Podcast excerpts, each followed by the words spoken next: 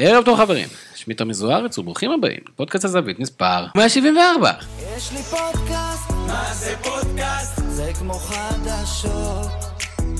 יש לי פודקאסט, מה זה פודקאסט? זה כמו חדשות. שוב אתם מצטרפים אלינו לפודקאסט הזווית, הפודקאסט של אתר הזווית, הזווית.co.il, כנראה הפודקאסט הביתי בתבל, וכמובן שיעזור לנו אם תעשו לנו subscribe לאפליקציות השונות, ובטח אם תדרגו אותנו שם, נודה לכם מאוד מראש. אה, ליגת העל שלנו ממשיכה לספק לנו סיפורים חדשים בכל שבוע, ובשביל לטעום מכל הטוב הזה כינסנו פה כמה ממספרי הסיפורים הטובים ביותר בכל הקשור לביצה המקומית. ערב טוב לאנליסט של האתר, אדם רוזנטל. ערב טוב. אני עובד על האדם, זה, זה בסדר בינתיים, נכון? כל עוד לא קראת לי אודי, הכל טוב. אה, אודי רוזנטל. אדם, מה הסיפור של המחזור התשיעי? אמ, אה, ההתבססות של חיפה והמומנטום החיובי שלה והנפילה של מכבי תל אביב. אז תמיד אני אומר לך בוא תבחר משהו אחד ואז אתה נותן כמה נושאים וסוגר את הפינות ואנחנו כמובן נדבר על כל הדברים האלה במהלך הפרק הקרוב. אה, עוד איתנו הבלוגר שלנו למסעות עולמיים, אודי ריבן, ערב טוב אהוד. ערב טוב. אהוד, מה הסיפור שלך מהמחזור? אה, האמת, אמרתי, הבעיטה של בן ואבא, אה, זה הדבר שהכי אהבתי במחזור הזה. אני אני אוהב קצת אה, קראטה בתוך כדורגל. אני קצת מתבייש שלא הבאנו אותך לפרק של ה-WWF, אבל אה, זה טוב, זה טוב שקצת קצת אלימות. אלימות שבסוף לא קורה איתה שום דבר, אז כן, זה תמיד אלימות נחמדה. הבנתי, טוב, אה, מה שנקרא התעמלות, אה, היאבקות אומנותית. בדיוק. אה, כרגיל איתנו מפיק הפודקאסט, ברק קורן, ערב טוב ברק. אהלן אהלן כמובן. ברק, היום אתה צריך כבר שלושה אהלן? לא, שתיים מספיק לי. שניים, אתה אומר, קצת באנו צנועים. אחד- באנו אחד. חשוד, שלוש גם חשוד, שתיים באמצע זה טוב. יפה מאוד. אז אה, יש לנו הרבה דברים לדבר- עליהם, ננתח את המשחקים המרכזיים, אה, נמשיך בפינה הטקטית אה, של אדם, בשבוע שעבר עשית לנו סדר עם שלושה בלמים, הפעם אתה תעשה לנו סדר בלחץ, לא סטרס, אלא pressing. ומה זה אומר, ואיך זה אומר, ואולי יצא מזה כל מיני תתי נושאים בהמשך. אודי ימשיך את הפינה שלו עם האירועים המרכזיים ברחבי העולם, אולי אפילו יספר לנו סוף סוף ויסביר לנו מה קורה בדרום אמריקה ולמה הם קוראים למפעלים שלהם בשמות המוזרים האלה. יש לנו את אה, ליגת החלומות שלנו, אנחנו מתכוונים להמר ולחגוג עם ברק את ההצלחה הפנומנלית שלו בהימורים השבוע. אה, טיפה שאלות גולשים ואנחנו כבר רצים קדימה, ואדם, מכבי חיפה, אחרי שני הפסדים, לא בכיוון מה שנקרא, יוצאת מצוין, מייצבת את ההגנה ומשיגה שני ניצחונות השבוע בשני מגרשים לא פשוטים, בצפון הרחוק, אה, ומה עשה ברק בכר כדי אה, לייצב את הספינה? אז אה, קודם כל המשחק נגד קריית שמונה, והיום המשחק נגד סכנין, זה היה פעם ראשונה ושנייה שהוא נשאר עם אותו הרכב, מאז המינוי שלו. ובעצם הוא, הוא החליט ל- לעבור למוד בלבול, כלומר מה שהצליח נגד ביתר, רצים איתו עד. שיש סיבה לא. גם רז מאיר, למרות שהריצה הארוכה של בלבול הייתה עם אבוקה, אה, ופה השינוי הוא בעצם רז מאיר במקום אבוקה, אה, נותנים לסן מנחם דווקא את ההרכב, עופרי ארד אה, נכנס להרכב במקום חבשי, ג'וש כהן חוזר במקום גלאזר. שאתה היית נגד. המהלך הזה, סתם. אה, ו- ובעצם אם משווים את הקבוצה הזאתי של ברק בכר להרכב שרץ שנה שעברה אצל בלבול, אז ההבדל הוא בעצם רודריגז בתור אה, קשר אחורי, במקום עוד שחקן התקפי שהיה אצל, אצל בלבול. אה, שרי נשאר כביכול באגף ימין, זה, זה השינוי הטקטי, כלומר, אה, רודריגז נשאר בשש, אה, אם בהתחלה, בפעם הראשונה ששיחקו, אני חושב שזה עבד קצת פחות טוב, זה מתחיל לעבוד יותר טוב, כלומר, השלישייה הזאת של אה, נטע, רודריגז ו... אבו פאני אה, מתפקדת מצוין במשחקים האחרונים. אה, התפקוד של, של רודריגז בתור אחורי כן משחרר גם את אבו פאני וגם את נטע ללחוץ יותר גבוה אה, ולעלות קצת אה, יותר, פשוט להיות אקטיביים אה, כשחיפה מאבדים כדור, שזה משהו שבמחזורים הראשונים ממש לא קרה. אה, ולדעתי גם, זה גם חלק ממה שעוזר להגנה. כלומר, המחסור במשחק הלחץ במחזורים הראשונים חשף דווקא את חיפה אה, הגנתית. אה, ביחד עם החוסר ביטחון עם הכדור, שבאמת נובע מגלאזר חבשי, לעומת ג'וש כהן ועופרי ארד.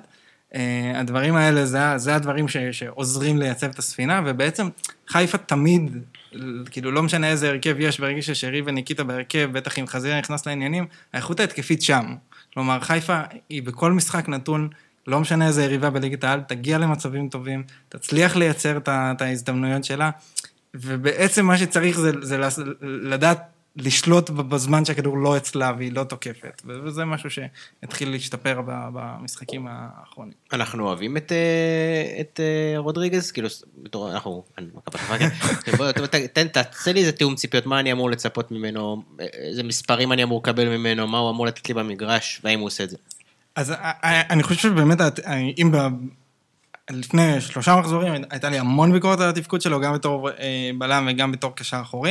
אני חושב שהוא קצת שינה פאזה בלי הכדור, כלומר הוא יותר אגרסיבי בגישה שלו לכדור, שזה משהו שמתאים למכבי חיפה הלוחצת. הוא כן קצת שינה פאזה בעניין הזה, הוא עדיין קצת... יש בו עדיין יותר רכות מנטע לביא. כלומר, אם, אם מחליפים את התפקוד הזה ונטע לביא הוא השש והוא היותר קדמי, אז כביכול יש יותר אה, כיסוי ב, ב, ב, בחלק האחורי. מצד שני, רודריגז הוא שחקן מצוין ב- בלנווט התקפות. כלומר, היכולת שלו לקבל כדור, ל- לזהות שטחים פתוחים, ל- לעשות החלפות ב- בצורה יעילה, זה הדברים שזה, לתקתק כדור, כלומר, לעשות הרבה מסירות קצרות, הצירוף שלו עם שריק שקצת בא לקבל כדור ו- ו- ואוהב לשחק עם שחקנים לידו, זה הדברים שבעיקר אפשר לקבל ממנו. אה, יהיה מעניין לראות איך הוא ישחק כשאשכנזי ייכנס ל- ל- ל- לעניינים, כי אשכנזי שחקן שעושה המון תנועה, ורודריגז כן יכול להיות שחקן שימסור את המסירות האלה.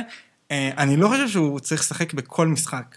אה, אני חושב שזה איזשהו כלי שבכר כרגע קצת אה, התאהב בו, הוא קצת השחקן שלו על המגרש, מבחינת דרכו הוא עושה את השינויים כרגע, אבל אני חושב שהוא יצטרך להשתחרר מזה- באיזשהו רגע, ואני כן חושב שיצטרך לעשות שם רוטציות באמצע. אודי, אה, מכבי חיפה ללא ספק צולחת את אה, מבחן התוצאה, ולמעשה גם את מבחן הדרך. עדיין מה שלא ראינו בשבוע האחרון זה את מכבי חיפה בפיגור, היא לא הייתה רחוקה מזה נגד קריית שמונה, וזה איזה מבחן שעדיין לא ראינו בשבוע האחרון. מקווה שלא נראה אותו כמה שיותר, אבל אה, כן, כאילו זה היה קצת אה, עניין של אה, מילימטרים וזווית אה, או דעה של שופט שהשתנתה ככה, אה, עם העבר הבלתי נגמר, שבסוף כן נגמר. בסופו של דבר כן, אבל נראה ככה. אבל בוא נדבר שנייה באמת על העבר הזה, כי זה שוב מגיע, אנחנו דיברנו על זה באריכות בשבוע שעבר בפרק, מתישהו צריך לעשות לזה סטופ של, תשמע, אם זה לוקח לך שמונה דקות, או להגדיר של בוא נקצוב לך את זמן עבר ובוא נחזיר את הדקות האלה לכדורגל? מה, מה דעתכם? הזמן עבר, מה שנקרא. כן, כאילו, אתה יודע, שים כזה את אהוד בנה שיבוא וישאיר כזה ברקע והכל, אבל א' זה כאילו חתיכת ביזיון של שמונה דקות כבר, הוא ארוך, בזמן הפציעות לכל המחצית היה לוקח להם שש כל כך דקות. הרבה זמן להגיע למסך, למה? וכן, וחוץ מזה, גם אני שוב חוזר ואומר, מה שלא ודאי, לך עם השופט. או אם אתה בטוח. ההסבר לענייני תוספות הזמן, כאילו, שאלתי, כי זה, העניין הוא שהם טוענים שגם אם היה פשוט נשרק פנדל, אז יש את הזמן שלוקח לארגן את השחקנים לפנדל, אז זה כאילו לא נכלל בזמן הבדיקה של עבר. כלומר, אנחנו חושבים על זה כאילו, מרגע שהוא שרק, מתחילים לספור כמה זמן לוקח עבר, וזה מה שצריך להוסיף בתוספת זמן, הם אומרים, לא, כאילו צריך להתחיל לספור רק מהרגע שהשחקנים מוכנים, וכביכול היה לוקח במילא לקחת את הפנדל, כי הם כאילו מכינים את השחקנים. זאת הסיבה שהתוספות זמן לא, כל, לא כל כך ארוכות. טענה שטוב ש- שנשמעת, ויפה שאתה גם מעלה את הצד האנלוז הזה, סתם. את הצד הזה אני חושב. שאין... זה טוב שמסבירים. אין שום סיבה בעולם שדבר כזה ייקח כל כך הרבה זמן. אני חושב גם שההחלטה בעצם של צוות השיפוט בווידאו צריך להיות הרבה יותר מהיר של האם מוותרים על זה, או קוראים לו יותר בדיוק. מוקדם. המצב האמצע הזה של גם לוקחים מלא זמן רק עד שקוראים לו, הוא הכי גרוע שיכול להיות. כלומר, באנגליה, במקרים שהשופטי ור כביכול בטוחים בהחלטה שלהם, הם פשוט לא קוראים לו, הם פשוט אומרים את ההחלטה, ושנה שעברה הם בכלל, הם לא קראו, הם קראו לדעתי באפס פעמים למסך. היו טענות שהם הם לא הולכים מספיק אפילו למסך לשופטים באנגליה. כן, כלומר, הם, הם נותנים את האחריות, הם כאילו מורידים קצת אחריות מה, מהשופט הראשי בנושא הזה, כלומר, אם יש טעות והם מתקנים אותו, אז הוא בכלל לא צריך להגיע, ואז הזמן מתקצר כי הוא לא צריך להגיע פיזית ול, ולהסתכל, זאת אלטרנטיבה אחת לדעתי. אלטרנטיבה שנייה היא, אם יש מספיק ספק, אז פשוט, אז תקראו יותר מהר, אוקיי? אבל זה קצת להוריד את הסף. לקריאה, המצב הנוכחי הוא, הוא, הוא מאוד גרוע. אני רוצה רק גם להגיב לאיזה ניי או מה שזה לא יהיה שמתחיל להתרחשש ב... בעקבות המשחק, שפנדל חמישי רצוף אה, למכבי חיפה, אז אה, אוקיי, לא נתחיל לעבור אחד-אחד. אני כמובן הלא אובייקטיבי חושב שכן היה, אפשר להתווכח כן, כן או לא. אני רק אומר שמכבי חיפה היא קבוצה מאוד מאוד מאוד מאוד מאוד התקפית. אה, שמגיעה המון לשער, אם אני לא טועה אפילו בין המובילות, ל... או בנוכחות ברחבה, שמן הסתם, כשאתה משחק התקפי ואתה תוקף הרבה, אז סיכוי מאוד מאוד סביר שישרקו לך יותר פנדלים אה, מקבוצות שלא נמצאות בכמות הזאת לשער. זה הכל, זה כאילו לא, אני, אני לא זיהיתי איזה קונספירציה, אולי אתם זיהיתם, אני לא יודע, אבל... אני, אני, חושב ש, אני חושב. שהרוב המוחלט של הפנדלים היו פנדלים מוצדקים, אה, ואם יש פנדלים כאלו או אחרים שהם לא מוחלטים, אז הם יכולים להיות, להישרק בדיוק כמו שהם יכולים לא להישרק, ו- ואני לא חושב שיש פה איזה מגמה, מכבי חיפה נמצאת הרבה ברחבה. אה, כן, אנחנו כן רואים, ואולי כדאי לציין את זה, מכבי חיפה יודעת לעשות את השני ואת השלישי מאוד מהר. ושוב, 3-0 לקריית שמונה, תוצאה מאוד משקרת בעיניי, אה, אבל זה 3-0 בסוף, וזה נותן את הביטחון ונותן לשחקנים, נותן את ליטרת הבשר לרוקאביצה. ושכן, בעזרת השם הסת- הסתיימה. כן, אפשר גם להגיד שחיפה לא לא פתחה את המשחק טוב. כלומר, קריית שמונה אז אני אמרתי, הגיעה... יכל להיות שקריית שמונה תעלה ראשונה, ואז לך תרדוף אחרי קריית שמונה עם השחקנים המאוד מהירים שיש לה בחלק הקדמי, אה, וזה אתגר אחר. נכון, אבל עדיין הצליחו לפרק רק- את המוקש הזה. לציין לגבי קריית שמונה, זה, היא באיזושהי מגמה מתחילת העונה, אחד הדברים שמאפיינים אותה, זה המשחק לחץ שלה, אני אדבר אחרי זה קצת אה, ארחיב, היא אחת הקבוצות הכי לוחצות בליגה, אה, ונגד מכבי חיפה הם באו ואפילו, הלכו על זה אפילו קצת יותר מהרגיל, מתוך איזו גישה של להפריע, מכבי חיפה אוהבת להניע כדור מאחורה, ואנחנו פשוט נפריע להם, ואולי דרך זה נייצר אה, הזדמנויות, והם עשו את זה יחסית טוב, כלומר, ראו שמכבי חיפה, אין לה, הסט כלים שלה, כשלוחצים אותה, כאילו, הוא מוגבל למסירות קצרות. כלומר, הם יכולים לצאת רק דרך רודריגז או ארד, או אה, המשחק רגל של השחקנים אה, מאחורה, ואין להם כמעט יכולת לצאת בכדורים ארוכים גבוהים, פשוט כי שרי ו- וניקיטה לא, לא- פשוט לא זוכים בכדורים האלה. אז מכבי חיפה מאוד מאוד נמנעים מה, מהאופציה של מסירה ארוכה, וקריית שמונה שיחקו על זה. הם עשו את זה יפה, ואני חושב שזה כאילו איזה נורה כזאת לקבוצות אחרות, שאולי זה לא כזה רעיון רע לעשות את זה. וגם היום סכנין עושה את זה. סכנין היה מאוד דומה ב...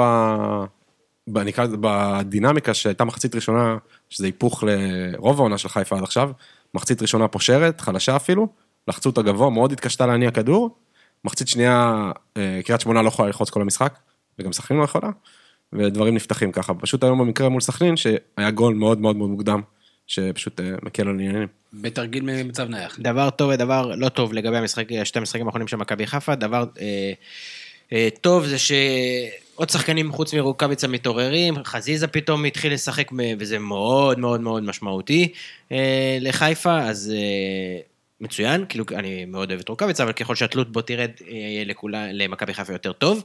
הדבר הלא טוב של מכבי חיפה זה שאין לה שום כלים בספסל, או לפחות נראה ככה, עד כדי כך שהם הם נראים כאילו שהספסל לא רלוונטי, עד כדי כך שהם הקטינו את הפונט לכל כך קטן בגרפיקה שלהם, עד שהוא כמעט כבר לא נראה כבר ב...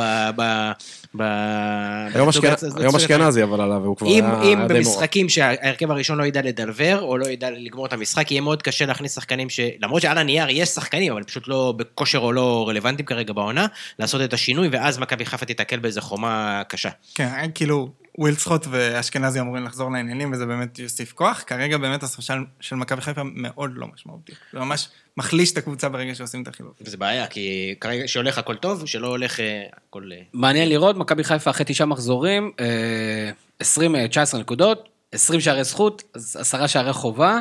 אה, כמובן שבאמת שערי החובה היו עד, ה- של- עד אה, שני המחזורים האחרונים, כך שזה כמובן אה, משמעותי.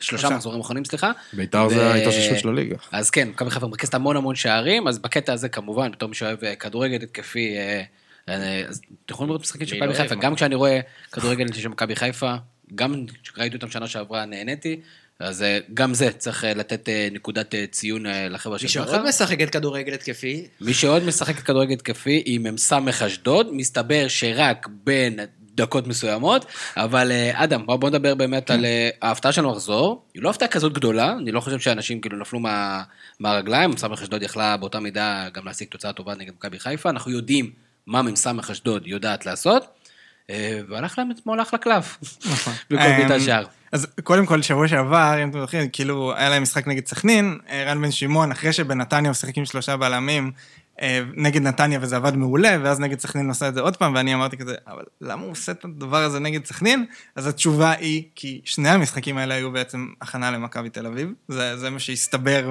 מאיך שהוא עלה למשחק.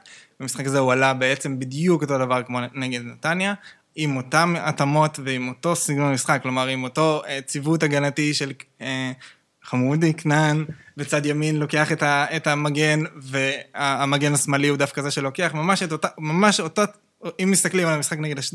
נגד נתניה ונגד מכבי תל אביב, זה בדיוק אותו דבר, רואים שזה ממש אימון למה שזה, וזה עבד לו מצוין, הייתה פה תוכנית משחק מאוד מעניינת של רן בן שמעון. אפשר, ל... ברור שזה לא, נגד קבוצה כל כך חזקה זה לא יכול לעבוד בצורה מושלמת, אבל היה פה איזושהי תוכנית משחק מאוד מעניינת של להשאיר כמה כלים אה, התקפיים על הספסל, לשחק בצורה מסוימת שהיא באה כהכנה למכבי תל אביב. אם שבוע שעבר דיברתי על זה ששלושה בלמים, אה, חלק מהחיסרון זה שיש לך רק שחקן אחד בכל אגף, אז זה גם הכנה למכבי תל אביב, כי מכבי תל אביב בדרך כלל לא משחקת העונה עם שני שחקנים אה, באגפים התקפית, כלומר, המגנים שלה משחקים או עם רק קנדיל בצד ימין וביטון נכנס לאמצע, או שמפנים את הכף בצד שמאל לשחקן אחד וסבורית נשאר בלם, זה משהו שמכבי תל אביב עושה כל העונה, אשדוד באה מוכנה לזה, צופפה באמצע, באה ממש בהתאמה לאיך שמכבי תל אביב אה, משחקת. סוגולים יפים, ממש. והיא הרבה, בחלקים לא קטנים של המשחק, היא לא פחדה לשחק. כלומר, היא באה, היא אמרה, ברגע שהכדור אצלי, אני משחק את המשחק שלי. אני לא מחפש את ה... לשחק במתפרצות, לשחק רק לעומק. הניע כדור, הניע מאחורה, עוד פעם, השלושה בלמים. זה מנוע מצוין נגד לחץ, אז ברגע שיש לך שלושה שחקנים מאחורה, הרבה יותר קל להניע כדור מאחורה. אז ברגע שהיא השתלטה על הכדור, היא לא חיפשה רק את העומק, אלא חיפשה את ה... להניע כדור, לעשות התקפות מסודרות. אה, וגם במחצית השנייה, ואני שנייה, אני מסיים את העניין עם אשדוד ונעבור למכבי תל אביב, במחצית שנייה הוא זיהה את. שהוא היה בפיגור, אה, אה, האמת לא, זה היה אפילו לפני זה בתיקו, הכניס עוד כלים התקפיים, גם שלומי אזולאי וגם שגיב יחזקאל, יצא מהשלושה בלמים, עבר לקו ארבע, התחיל לשחק עוד פעם, הרבה יותר התקפים, ממש השתלטו על המשחק, ראוי שהם הולכים ראש בראש, מכבי תל אביב, היה שם רבע שעה, שאשדוד הייתה נראית הקבוצה היותר איכותית על המגרש, וזה פשוט הצליח לו. כלומר, הגול השני של אשדוד, אה, של שלומי אזולאי, זה מהלך בכדורגל מסודר, עם הנעת כדור, מתוכנן, עם שחקן אגף מקבל כדור, עקיפה של מגן, תנועה נכונה, הצטרפות של קשר, משהו שאנחנו מצפים לראות ממכבי תל אביב, עשו נגד אה, אה, מכבי תל אביב, בדקות הטובות שלהם, ממש הלך להם יפה, וגם בסוף, כשהם הובילו, אז הוא חזר עוד פעם לשלושה בלמים. כלומר, הוא שיחק את כל הכלים שלו, השתמש יפה בכל החילופים, וזה ממש הצליח. מצד שני, אי אפשר להגיד שמכבי תל אביב לא הייתה במשחק, או לא הגיעה למצבים, כי פשוט קבוצה איכותית. נכון. נתן קון שם העיף כדור ממטר. באמת זה מדהים שאנחנו מתפעלים מהגול של שלומי אזולאי, מכל המהלך, כי אנחנו כל כך לא מצפים מקבוצות שהן לא מכבי חיפה, מכבי תל אביב, או מי שלא רץ בצמרת לעשות את זה, זה פשוט תמיד לא. אנחנו בשוק מזה. לא רק לעשות את זה, בניגוד לעבוד, שוב, זה משהו שקשה למדוד אותו, וקשה, אבל בניגוד לשנים קודמות, זה נראה כאילו קבוצות פתאום לא מפחד, או לא שלא מפחדות, מוכנות לשחק כדורגל מול מכבי תל אביב ולא מפסידים את המשחק עוד לפני שהם עלו אה, שנה שעברה, שוב, כנראה שזה גם בגלל אה, היבטים טקטיים שאיביץ' אה, עשה, הם חנקו את המגרש ויריבות לא שיחקו פשוט מול מכבי תל אביב, ועכשיו יריבות כן משחקות מול מכבי תל אביב. אגב, גם עם אזולי ויחזקאל, גם מול מכבי חיפה היה אותו דבר, הוא העלה אותם גם דקה 45 או 50, שהם השתלטו על המגרש. ולמה לא להעלות אותם בהתחלה? כי הדקות הטובות, אני שמעתי את אדם, וכל הכבוד למסמך אשדוד, שגם שיחקו יפה וגם כמובן ניצחו אה, במשחק שהם לטעמי היו צריכים להפסיד. ולא בגלל שאני אוהד מכבי תל אביב, פשוט מכבי הייתה טובה והחמיצו המון מצבים, שהתוצאה הזאת יכולה להיות הרבה יותר גבוהה. ודרך אגב, הראשון שאמר את זה, וכל הכבוד לו, זה רמת שמעון, שאמר ואמר, חבר'ה, אני עומד מולכם ואתם תחמיאו לי, אבל אה, היינו היום פחות טובים במכבי תל אביב וניצחנו את המשחק הזה. יכול להיגמר אחרת. וגם, בהחלט, בוא נגיד, ברוב הסצנריוז זה יכל זה, והשאלה אם סמך אשדוד, שגם נגד מכבי חיפה הייתה צריכה להיכנס לבור כדי להכניס את השחקנים ולהתחיל, כשפתאום הכדורים התחילו לשרוק, וששמו את הכלים שלהם, כלים טובים, באמצע, מול מכבי תל אביב, עייפה, אה, מסגרות, you name it. למה לא מהתחל, מתחילים מההתחלה באותה שיטה? אני, אני לא מסכים איתך עם, ה, כאילו, עם מה שאתה בעצם מציע, אני חושב שדווקא התוכנית הזאת הייתה טובה. כלומר, גם בהתחלה, אשדוד, היו לו לא מעט דקות טובות. כלומר, גם במחצית הראשונה, היא לא, לא שיחקה, היא, זה, זה, היא שיחקה פשוט עם כלים אחרים. אמ, ויש איזשהו היגיון בשלב המאוחר יותר של המשחק, שמכבי תל אביב עייפה, וכרגע מכבי תל אביב, החילופים שלה לא עוזרים לה. בשלב הזה, להוסיף כוח במצב שאתה, אם אתה מצליח להגיע למצב שזה רלוונטי עדיין, יש בזה היגיון, וזה לא, לא היה בסגנון של מה שמימר עשה עם חדרה של לא לשחק כדורגל עד דקה 60, הוא כן ניסה לשחק, פשוט בהילוך טיפה יותר נמוך ממה שאפשר אה, עד הסוף. יש בזה הרבה היגיון שאתה משחק נגד קבוצה שיש בה כל כך הרבה עייפות, וגם מגיע עם ההרכב כביכול החזק שלה, כלומר חילופים הולכים להחליש אותה, יש בזה הרבה היגיון. אני, לא, אני חושב דווקא שאם אשדוד הייתה זורקת את כל הכלים הטובים שלה בהתחלה, אז מכבי תל אביב הייתה פותחת בצורה יותר אגרסיבית מול, ה- מול הדבר הזה, כלומר, היה, זה היה כביכול משחק יותר פתוח, היה למכבי תל אביב יותר הזדמנות לעלות ב- בשער מוקדם, ואז לצאת מהבור הזה, היה לה הרבה יותר קשה בלי הכלים האלה על הספסל. זה, זה בעניין. ושוב, שורה תחתונה זה, זה, זה הצליח, אה, ושוב אני חוזר, אודי, אתה יודע, מ"ס אשדוד, נס- נסיים את השיח עליהם, אה, אנחנו שוב חושבים שיש לה הרבה מה למכור, מה המטרות של מ"ס אשדוד? מה תהיה ההצלחה למ"ס אשדוד? top 4, כאילו מקום רביעי או שלישי, אני חושב שזה... עד רמה כזאתי. עד רמה כזאת, גם אתה רואה את באר שבע וביתר, שאנחנו בדרך כלל כאילו מצפים. המועמדות הטבעיות. המועמדות הטבעיות למקומות האלה. אה, באר שבע אולי, ביתר גם יאוששו אותם, כאילו בזכות הניצחון של אתמול. וביתר כרגע, יש מצב שהם עסוקים בדברים אחרים לחלוטין מהכדורגל, אבל הקבוצה שם היא... אה, יש שם, היא לא קבוצה מבחינה פרסונלית הכי גרועה בליגת העל, אבל כקבוצת כדורגל היא כרגע בין הכי חלשות שיש. משחקת כדורגל נוראי. אנחנו נגיע לבית"ר ירושלים, אני רוצה עוד מילה אחת. אה, לאו דווקא אה, קשורה והיא קצת נאי, כי רציתי לדבר עליה רק אם אנחנו ננצח. יש לנו משהו להגיד על משטח הדשא? זה, זה כאילו הגיוני, זה סביר, זה, זה, זה ככה סבבה כבר בליגת כמה העל? זה- זה לא רק באצטדיון הזה. זה בעיקר באצטדיון הזה, לא? אני לא ראיתי הופעת דשא כזאת. קריית אה, שמונה- שאתה נותן פס והכדור כזה, זה ג'עג'ע כזה. מכבי חיפה בקריית שמונה, כן? הדשא שם, אתה יודע, כל פעם חתיכה אחרת עפה במקום מכל שיש בריכה. הצפות שם, זה כאילו... כפר סבא, סליחה. כפר סבא לא מדהים המשחקים שהם משחקים בבית. אני חושב שצריך לתת גם את הדעת על זה. זה בעייתי, אין ספק. זה חלק מהמוצר שלנו. כן, בוא נדבר על מכבי תל אביב, אני חושב שיש אה, קונסנזוס בקהל הצהוב שדוניס הפסיד את המשחק הזה. אני חושב שאני אולי בדעת מיעוט, שאני חושב ש...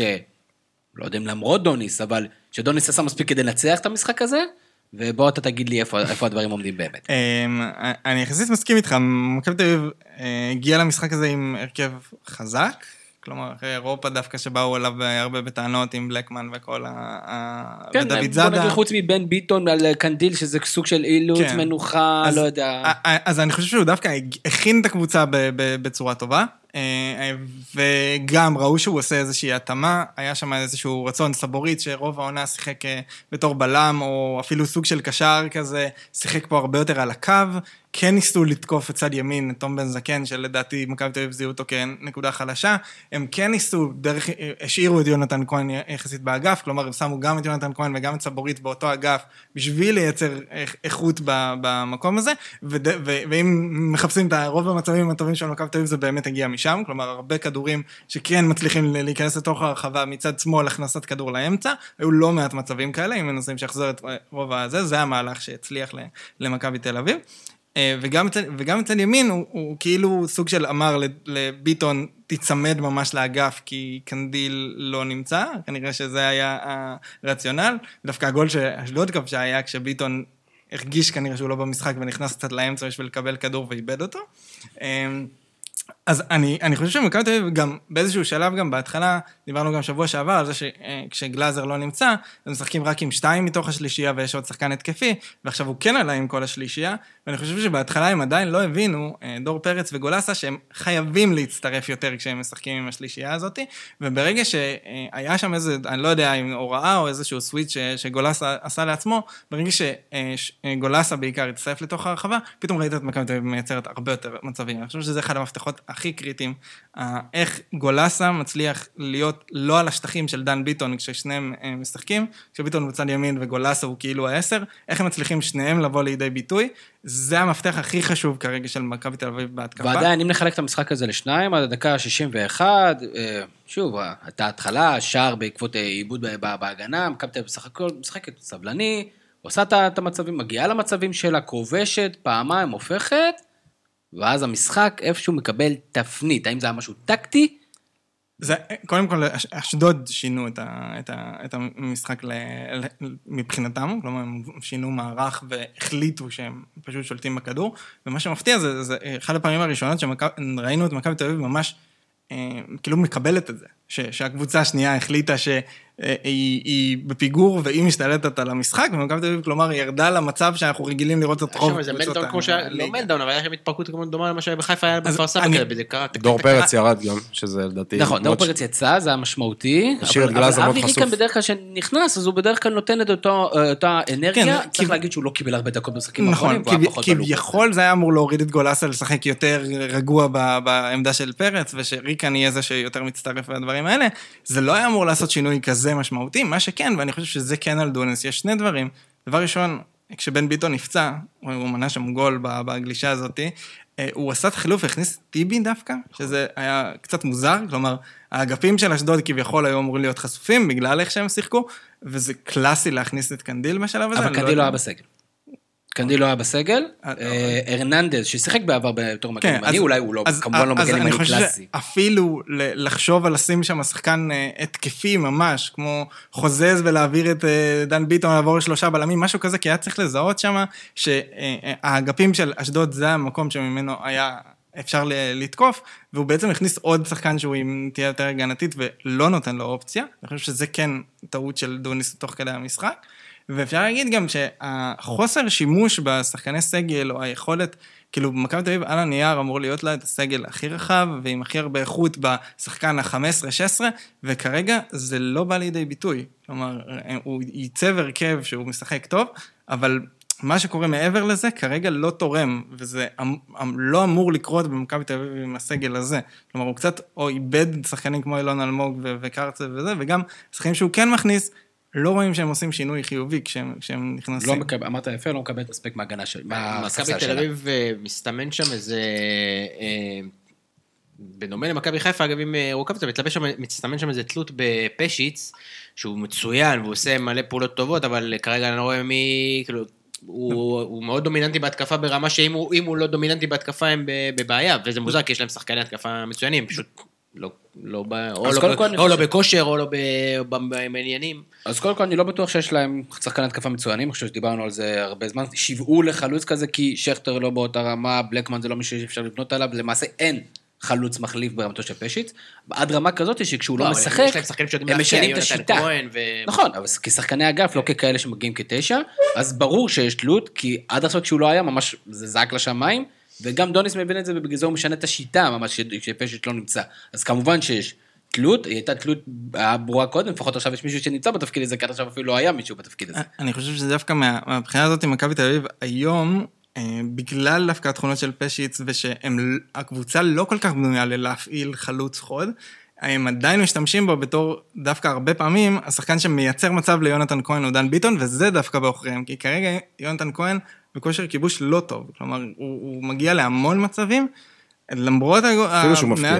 גולים, הוא, הוא לא, לא, מבקיע, אבל הוא מגיע. להמון מצבים אני בתוך לא הרחבה. חושב שהוא, אני דווקא זה מרגיע אותי, כי אני, הוא, לא, הוא לא שחקן שהאחוזים שלו זה 80 אחוז, 90 אחוז, הוא לא ערן זהבי בקטע הזה מול השער, הוא פשוט מגיע להרבה מצבים, ואז הוא לא, ישים אותם. כרגע הוא ממש בכושר כיבוש לא טוב מבחינת המצבים ש- שהוא מגיע. החמיץ הרבה מצבים אתמול, נגד, אה, נגד כפר סבא הוא היה יותר... אה, ושוב, מרגיש שהוא הרבה יותר מעורב אבל. הוא הרבה יותר מעורב, במשחקים, אני חושב הוא ש... מרגיש שזה יותר אני עליו. חושב שהפשיץ עשה המון לטובת יונתן, כלומר, יונתן כהן, אם זה ממשיך ככה, כלומר, אם הם ממשיכים בצורה הזאת של לייצר ליונתן כהן את הכמות מצבים הזאת, יגיעו שם המון שערים. אני חושב שדווקא מה שקצת צריך ל- לראות איך עושים, זה איך מייצרים יותר מצבים לפשיץ. כלומר, התלות בפשיץ היום היא באיך הוא גורם לזה שיהיו מצבים, ולאו דווקא איך הוא מגיע למצבים האלה. כלומר, ושוב אנחנו אומרים את זה פה, אני אומר את זה פה משבוע לשבוע, מכבי תל אביב לדעתי הורסת במו ידיה או מחסלת במו ידיה את היתרון היחסי הכי גדול שיש לה על כל הקבוצות ובטח על מכבי חיפה שזה העומק שלה, הם מחסלים שם שחקנים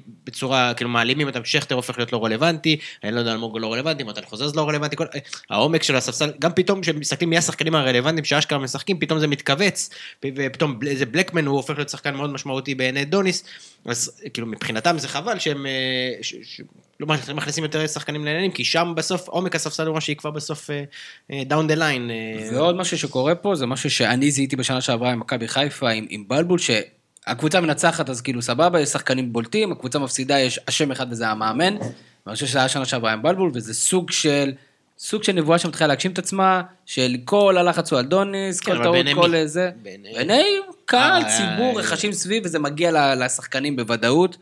ושוב, אני חושב שמכבי תל אביב לא עשתה משחק גרוע, הפסידה בוא נגיד השער של שגיב אה, יחזקאל, אה, תן לו 100 כאלה, אולי הוא פעם את שוב, היא לא המסגרת. עשתה משחק גרוע, אבל שוב, בסוף כשאתה מסתכל על הטבלה, היא במקום... אה, כן, היא באיזה בור וגם מסוים. האחוז ניצול נקודות, לא- כאילו אי אפשר, גם אם בשם המשחק שהם שיחקו טוב, אי אפשר בסוף, בסוף, בסוף, בסוף להתעלם מהשורה התחתונה. שהיא כרגע בשורה התחתונה, אם אתה מסתכל על הליגה, היא היא לא טובה, אה, כאילו אי אפשר לברוח מזה. אז אני, מרק... אז אני חושב שמכבי הגיעה למשחק הזה אחרי שלושה ניצחונות ליגה, ברציפות, ששיחקה טוב, סך הכל, עשתה את הנקודות שלה.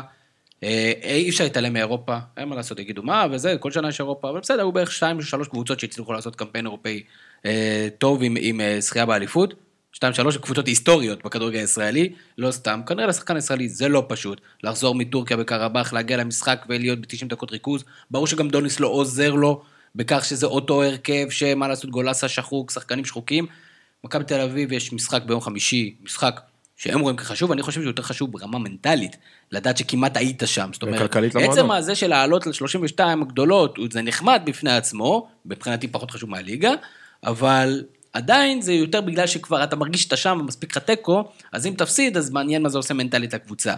אה, כלכלית, עוד מיליון, אה, גם פחות יש- מיליון. יש זה- גם בעלים של מועדון שאני מניח שזה חשוב לו, לא... לא... יכול, אין- אין ספק, בסדר, אני לא חושב פשוט שהבעלים אה, כן. ירד לאספת הקבוצה, יגיד להם, אה, זה לא- לא לא בסדר. ירד, אבל האמת- אני רוצה להגיד ש... ב- ברור שזה אחד, כאילו, כבר הגעת לפה, אתה רוצה להשיג את זה, אפילו ברמת של מנטליות של אני מסוגל להשיג את זה, כי אני כבר פה. וזה קרוב, ואני רוצה להתייחס אליך באמת, אודי, בצד המנטלי.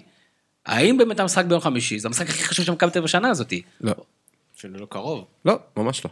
יכול להיות שלבעלים שרוצה כסף ולהכניס לענייני הפייר פליי ודברים כאלה, אולי, אבל מבחינת השחקנים וגם מבחינת דוניס עצמו, אמ, אני לא חושב שזה הדבר הכי חשוב. כי ההפך, אם אתה שם את זה מול משחק ליגה חשוב, כרגע ההפך. להשתקם בליגה ולחזור להיות כמה שיותר קרוב למקום ראשון, מקום שני, זה, זה העיקר.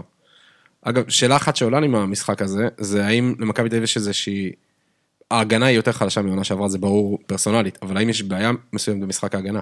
כי לי הרגיש, מהרגע שדור פרץ ירד, שגלאזר לבד לגמרי שם, ב, ב, נקרא לזה, בקישור האחורי, שאשדוד ניצלו את זה, היה שם מרחקים אדירים שאתה מאוד לא רגיל לראות את זה במשחקים של מכבי תל אביב. ברור, זאת אומרת, זה, זה ברור, אני חושב שגם שיטת המשחק, וגם הימצאותו של דן ביטון, שהוא זה כזה פרי רול כזה, שהוא פחות משמעותי במשחק, ה, במשחק ההגנה, מאשר אולי שחקנים אחרים שיכולים להיות בפוזיציה הזאת מקשה. אה, וגם, שוב, אלמנטים של עייפות וכל הדברים האלה. ואדם, אני רוצה לשאול אותך, איך אתה היית פותח, אם אתה דוניס, נגד סיב הספורט? אמ, כנראה באותו הרכב כמו מה שעלה עם אשדוד, עם קנדיל. אה, עם ארבעה מאחורה. כן, כמו שעלו נגד אשדוד, רק עם קנדיל במקום בן ביטון. אוקיי. ואולי עושה חילופים קצת יותר מוקדם, אתה אומר, או איזה קרצף כזה, ככה לטבל איזה משהו אחר, להוציא אותו מהאוב. אז אה, זהו, אבל גם כן, משחק טוב, הרבה מצבים, אז למרות התוגה האישית שלי, משחק שעושה עושה חסד עם ליגת העל שלנו, וגם על זה אנחנו צריכים לברך בתור מי שאוהבים את המוצר. יש מצב אה, שהכי טובה שעד עד עכשיו העונה. אה, כן, מאוד יכול להיות, אחד המשחקים הטובים בוודאות אה, השנה בליגת העל, למרות הדשא, אז אתה יודע, לך תדע, אולי זה מה שמערבל את הקלפים. ואדם, דיברנו קצת על, על ליגת העל ומה שתורם לליגת העל, ועסקת בית"ר ירושלים אמורה לשנות קצת או להכניס עוד שחקן מרכזי משמעותי, ואני רוצה עכשיו לתת לך את אה, תפקיד אה, משה חוגג, אה, וכמובן, קודם כל משה חוגג בכלל על האומץ ועל הצורה, ואני לא, לא נכנס כרגע למה מה, למה משיג משה חוגג בסיפור הזה, אבל היכולת כמוסד לבוא מבית"ר ירושלים ולהיאבק באותו, באותם משוגעים שאי אפשר והם ה-DNA של בית"ר במרכאות כפולות ומכופלות, אז על זה אנחנו נגיד לו כל הכבוד, אנחנו מקווים כמובן, באמת שהכל כשר, נכון, מסודר, ול- ולטובת בית"ר ירושלים, ולטובת הקהל הרב של בית"ר ירושלים שרוצה בעסקה הזאתי, ובסופו של דבר יגיע אה, אותו בעלים חדש, או בעלים משותף, וצריך להשקיע בבית"ר, בבית"ר הזאתי, שמאוד יכול להיות שבצורה הקיימת, ובטח בסביבה שלה ובהתאמה למאמנים שלה, שהיא אחת הקבוצות החלשות בליגה. האם אתה מסכים עם הדעה הזאת? אה, אני לא יכול, אני חושב שזה קצת מוגזם, כלומר, איכות הסגל... אבל לא אה, היה לי מונולוג בהתחלה, והרגשתי שאני רוצה לספר את זה. אין בעיה. אתה- מוזמן לעשות עוד אחד גם אם אתה רוצה. אה, אני חושב שהם כרגע משחקים כדורגל לא טוב. לא, זה, זה, אני לא חושב שמבחינת הפוטנציאל או מבחינת איכות הסגל היא באזור הזה. כלומר, גם אם אנחנו אומרים שיש לה בעיות בתפקידי ההגנה, ובאמת יש שם מחסור מאוד קשה בשש וכל זה, עדיין בהשוואה לקבוצת הליגה, אני לא חושב שאפשר להגיד שהיא קבוצה חלשה. כלומר, אמור להיות פה איזשהו אה, דרך לסדר את השחקנים ש, ש, שיעזור להם לשחק יותר טוב. כלומר, הרבה, הרבה פעמים אצל מאמנים צריך להבין שאחד הדברים החשובים זה, זה פשוט לשים את השחקנים הטובים שלך במקומות שנוח להם והם מוציאים מעצמם את ה... הכי הרבה. כרגע זה לא קורה בבית"ר ירושלים, ואני חושב ש... דווקא במשחק הזה, שהוא היה משחק לא כל כך טוב של בית"ר, כן הייתה פה איזושהי אמירה או איזשהו עניין של הם שינו חלק גדול מאוד מההרכב, כלומר, משחק נגד מכבי חיפה הם עשו הרבה חילופים במחצית, ועכשיו הם נתנו הזדמנות לשחקנים ש, שעלו, עטר ירד לספסל, עידן ורד ירד לספסל, יש פה איזושהי אמירה גם לשחקנים, חבר'ה, אתם לא נותנים את התפוקה, אנחנו צריכים לשנות עכשיו, ואנחנו צריכים למצוא, אז זה עלינו ולא עליכם, כלומר, אנחנו צריכים למצוא את הנוסחה ש, שעובדת. אני לא חושב שזה קרה במשחק הזה, אבל הם, זה עליהם. כלומר, הזרקור פה הוא לגמרי על המאמנים כרגע, להוציא כמה שיותר מהקבוצה הזאת, כי זה לא קורה כרגע. אז קודם כל, אה, אני רוצה להוריד את הכובע בפני חוגג לגבי המהלך, אם אנחנו מדברים על המהלך, שם שנייה את המשחק בצד, המשחק הטקטי. אה, בזמן שכולם, כולל ההיסטוריה, דיברו וקשקשו וזה, שוב, שים את האינטרסים האישיים שלו בצד שגם אם קיימים וגם אם לא, זה לא משנה בכלל. אה, בהנחה שוב שזה לטובת בית"ר, אז הוא עשה פה מהלך שכל הכבוד לו, ובניגוד לכל... המון המון סקפטים, כולל אני אגב, וכולל עוד אני אנשים. אני עדיין סקפטי. בדיוק, אנשים שלא האמינו שזה יקרה ושזה הגיוני. תשמעו, מסתכלים על זה בראייה קצת יותר רחבה וראייה, זה יום היסטורי, זה לא צחוק, כאילו זה משהו, איזה אירוע מכונן, גם ברמה של בית"ר וגם ברמה של הליגה. כל, כל, אם באמת הכל כשר והכל טוב והכל מדהים, בן אדם עם אמצעים כאלה שנכנס לליגה שלנו, זה אה, בתקווה מבורך אה, ו, ומדהים. אה, אז קודם כל, ש... כל הכבוד על המהלך הזה, וגם לשים, להתמודד, גם אם זה בפוסטים, וגם אם זה ב... גם אם לא קרה כלום, בפוסטים לשים אה, אה, מילים מול, מול אותו קהל בעייתי, אה, ש... ש... גזעני בהגדרה, שלו, בהגדרה שלו, ולהגיד, אוקיי, את, אתם לא חלק מהמועדון, אתם תתיישרו, שלא תהיו פה, שתיקחו לעצמכם מועדון אחר, זה אמרה שאי אפשר לזלזל בה, כלומר, אף אחד לא יעז לעשות את זה אה, אף פעם, בואו נראה איך זה יהיה, בתקו, איך זה ייגמר, בתקווה שזה טוב, אז זה באמת יום היסטורי לבית"ר, ואנחנו צריכים להיות בעד הדבר הזה, עם כל הסקפטיות שיש תמיד סביב חוגג, אבל בינתיים הוא דילבר. לא רק סביב חוגג, תראה, מגיע בסופו של דבר, יש עסקה. והעסקה הזאת אנחנו לא יודעים עליה יותר מדי, ואנחנו מקבלים את זה הכל ממקור אחד, שהוא המקור הרשמי של המועדון, שכמובן יש לו אינטרסים. יש פה 50-50, מה זה אומר, מה קורה בזמן שצריך לקבל החלטות, אה, מי יהיו אותם חברי דירקטוריון, מה, איך הכסף הזה הולך להיות מושקע, יש רב הנסתר על הגלוי, עכשיו, הייתה עסקה, זאת אומרת, הדבר הזה ידוע למישהו, אבל הוא לא ידוע לק, לקהל האוהדים. ואם זה היה ידוע לקהל האוהדים, אולי אפשר להעביר את זה עוד יותר בקלות. כרגע כאילו קצת מסונברים מהעסקה ומהזה, וכמובן, שוב, כל ה... אמרנו, אנחנו נקבל כל כסף כמעט לכדורגל הישראלי וזה משמעותי. אני חושב שזה מתחבר מאוד גם לפימפום של דובאי בתקשורת הישראלית, לא רק אפילו של הכדורגל. אתה מרגיש, דרך. אתה מרגיש שבכל מקום מדברים איתך על טוסו עכשיו לדובאי בחדשות. ב... לא, לא, לא רק זה, בוא, בוא תפתח אינסטגרם של אה, בן אדם סביר ב- בישראל, ואם לא 80% מה stories שם זה לא מדובאי, אז אתה כנראה לא עוקב אחרי האנשים הנכונים. עכשיו, מה שמעניין אותי בכל הדבר הזה, אה, זה מה בעצם אומר כל הדבר הזה על הסגל הנוכחי, על המאמנים הנוכחיים, כלומר, הם די מבינים, אם באמת הכסף אה, הזה הולך להגיע וכל הדבר הזה הולך לקרות, אז וכנראה המודל המוצלח שמסתכלים עליו זה מודל מכבי תל אביב, אז סביר מאוד להניח שאנחנו נראה מאמנים זרים ושחקנים אחרים, כלומר הקרקע מתחילה לזוז סביב, סביב, סביבם, ואני לא בטוח שזה יעשה בטווח הקצר טוב מקצועית לקבוצה. לטווח הארוך כנראה, בוודאות שכן, אבל אה, אה, כאילו, יש עכשיו כאילו שינוי ארגוני שקורה, ובשינוי ארגוני דברים זזים. אז אני אנסה להתייחס קצת ברמה מקצועית. אה, מהבחינה הראשונה, אה, אנחנו רואים את הכסף. הכסף כפי שהוא פורסם, הוא לא כסף בלתי... אה, בלתי- ב- חסר תחרות בכדורגל אני רק לא הישראלי. מדבר על יופי נשאיר שחקנים, גם בכלל, ארגון. ו- עכשיו, מעבר לזה, אני חושב שהדבר החשוב ביותר שתעשה בית"ר ירושלים, זה שבאמת תמנה מישהו מקצועי שאמור להיות אמון על הרכש, שעד עכשיו זה היה סוג של, לתפיסתנו, גחמות של משה חוגג, לכפי שהוא רואה את בית"ר ירושלים בחזונו, כקבוצה אה, ד- דינמית, מקצועית, נוצצת, שבסופו של דבר הובילה אה, סגל לא מאוזן, לפחות בשנתיים האחרונות. כמות הכישרון הספיקה בשביל, בשביל אה, מקום אה, גבוה, אבל כנראה לא לשאיפות שאותם אה, חוגג רוצה להשיג.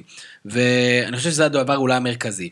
מעבר לזה, כל השקעה בתשתיות שתביא פה עוד ילדים לעוד מתקנים, לעוד הזדהות עם כדורגל ישראלי. אני רק אומר שהשנה. הזאת היא כבר הפכה להיות לא חשובה, לטוב ולרע. אז היא- בינואר יהיה איזה חיזוק כזה אה, פה בדיוק. השנה הזאת לא חשובה. הכל זה הכנה לקראת שנה הבאה, וכביכול כולם נכנסים למוד של הוכחה, שצריכים להוכיח שהם מקומם שם, אבל ברור לכולם ששנה הבאה זה all new ball park, כאילו הכל משחק חדש לגמרי, משכורות אחרות, שחקנים כנראה ברמה אחרת, זה אומר, כנראה סגל מקצועי אחר כנראה גם. זה אומר עוד תהפוכה לביתר שעברה נכון, המון נכון, תהפוכות משמעית. בשלוש-ארבע שנים האחרונות. אני מקווה בראייה שכולם היסטורית, מבינים... אתה יודע מה קרה ב- בירושלים, בראייה היסטורית, אתה יודע כמה פעמים היא נחרבה והוקמה מחדש? אני גם, זה, זה ריצה לטווח ארוך, אני גם לא בטוח, אולי אני טועה, אולי לא בטוח שמקרה גיידמק, כלומר, יכול לחזור לעצמו, כלומר, לא בטוח שבא, שיהיה לה כל כך קל לאגד את כל השחקנים הישראלים בבת אחת אה, לביתר. אולי הם יביאו איזה אצילי כזה יש בחוץ, אולי איזה זהבי כזה שיש בחוץ, אבל אה, קשה לי להאמין שכל מיני, בגלל שיש עוד שחקנים חזקים עכשיו, יש, מי, ש, קשה להאמין שגולסה כזה, או, או יונתן כהן כזה, יעברו כל כך מהר, כמו שהיה בזמנו של גיידמק, שכולם נשתו לביתר בבת אחת. כי אז יעקב, ש- קודם כל פער- פערי התקציב היו מאוד מאוד גדולים, נכון. ויעקב שחר לקח צעד אחורה. היה ו- play, ואני- ואני לא חושב וזה, וגם הפייר פליי אמור לסדר את זה, למרות שאנחנו יודעים שהפייר פליי פוגע רק בחלשות ולא בגדולות. עד מה ראינו מבחינת כדורגל נגד הפועל באר שבע. ראינו עוד פעם את ביתר לא באמת מצליחה לעשות הרבה עם, ה, עם הכדור. אה, תחילת המשחק, באר שבע הייתה בגישה מאוד מאוד פסיבית ונתנה לביתר ל, ל, לשלוט בכדור. אה, ולא ראינו מהם הרבה. אה, זה חוזר למה שאודי אמר כבר לפני כמה שבועות. ברגע שמיכאל אוחנה לא משחק טוב, ביתר ירושלים לא מצליחה לייצר הרבה ונראית מאוד תקועה, וזה מה שקרה רוב המשחק פה. ודבר נוסף שקרה זה שהם, ברגע שהם הבקיעו, שנייה אני, אני אדבר על איך הם הבקיעו ומה קרה דווקא מהצד של באר שבע, אבל ברגע שהם הבקיעו, ביתר הגיבה מאוד מאוד לא טוב לגול של עצמה. כלומר, רוב הקבוצות בליגה, המצב הזה של 1-0 לי, זה, זה המצב האידיאלי מבחינתם, והגיימסטד הכי טוב ש, שיכול להיות. ביתר הגיבה מאוד מאוד לא טוב למצב הזה.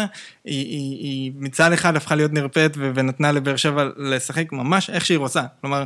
היא היא ירדה ל- לרמת אינטנסיביות שפשוט נתנה לבאר שבע, מתי שבאר שבע רוצה לשלוט בכדור, היא שלטה וממש הגיעה להזדמנויות, כי באר שבע יותר חדה עם הכדור, ומתי שביתר עם הכדור זה פשוט מצב נוח לבאר שבע ל- ל- לחפש את המתפרצת שלה, ש- שהיא יותר מסוכנת מכל מצב שביתר מגיעה עם, ה- עם הכדור. זה כלומר, הזכיר לי, זה לי משחק של ביתר עונה שעברה עם רוני לוי, שביתר עלו ליתרון בסמי עופר במכבי חיפה, מוקדם, ושוב, הפקיעו גול מאוד מוקדם וויתרו על המשחק אחר כך. יצא, כן, זה, זה ממש היה כאילו, הם אמרו, אוקיי, אנחנו עשינו את שלנו, ומפה אנחנו נקווה שבאר שבע לא תגיב כמו שצריך. אבל באר שבע פשוט הגיבה. ש- שברוב השנה זה הימור לא רע.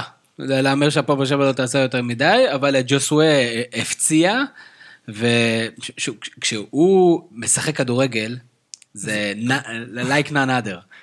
הוא, יכול להיות שהוא השחקן הכי טוב בארץ, ושוב, לפחות בפיקים שלו, אתה אומר. בפיק, שהוא בפיק, כן, הוא כנראה הכי טוב בארץ. אה, לא רק הוא, אני חושב שהכניסה של אלטון מחצית שנייה, אה, הוסיפה את הפוש הנוסף הזה שבאר שבע הייתה צריכה. אה, הפנדל הזה שהיה צריך אה, לראות זווית מסוימת, שאתה רואה את הרגל מתנדנדת ככה, ואולי מצליח לשמוע את הפאק כדי להחליט שזה פנדל, אבל כשאתה רואה בVAR אתה כמ- כמעט תמיד תראה מגע ותמצא הצדקה לפנדל. אה, וסלליך, אני חושב שזה היה אחד המשחקים היותר טובים שלו בבאר שבע. שלא היו יותר מדי כאלה, או בכלל גם בשנה האחרונה. זה, זה בכלל זה. דרך אגב, ראינו משהו שונה מבחינת הרכב מהפועל באר שבע? כן, באר שבע אה, הגיעה עם התאמה ל- ל- לביתר, שלא יודע, זה- לדעתי זה קצת מוגזם ל- לבוא ולעשות דבר כזה, כי הם זה שיחקו... נתן להם כבוד. אה, כן, זה לא, קצת כבוד. זה היה משחק על החיים, כי משחק מאוד מאוד מאוד חשוב בשבילו. בכלל, לבאר שבע כמובן. הם, הם, הם החליטו לשחק גם פה, שלושה בלמים. אמ, וגם פה הייתה התאמה בקטע של אה, ביתר משחקת יהלום ואין לה שני שחקנים באגף, אז אין לנו בעיה להיות רק עם שחקן אחד הגנתית באגף ולצופף את האמצע. אה, ובאר שבע התחילה את המשחק ממש עם... אה, עם חמישה בהגנה, ואז יהלום. כלומר, ויהלום זה בדיוק המערך של ביתר, וביתר פשוט משחקים עם שתי, עם שתי חלוצים, אז באר שבע שיחקו את זה עם שלושה בלמים וחלוץ אחד, כלומר, הרבה יותר הגנתי בהגדרה.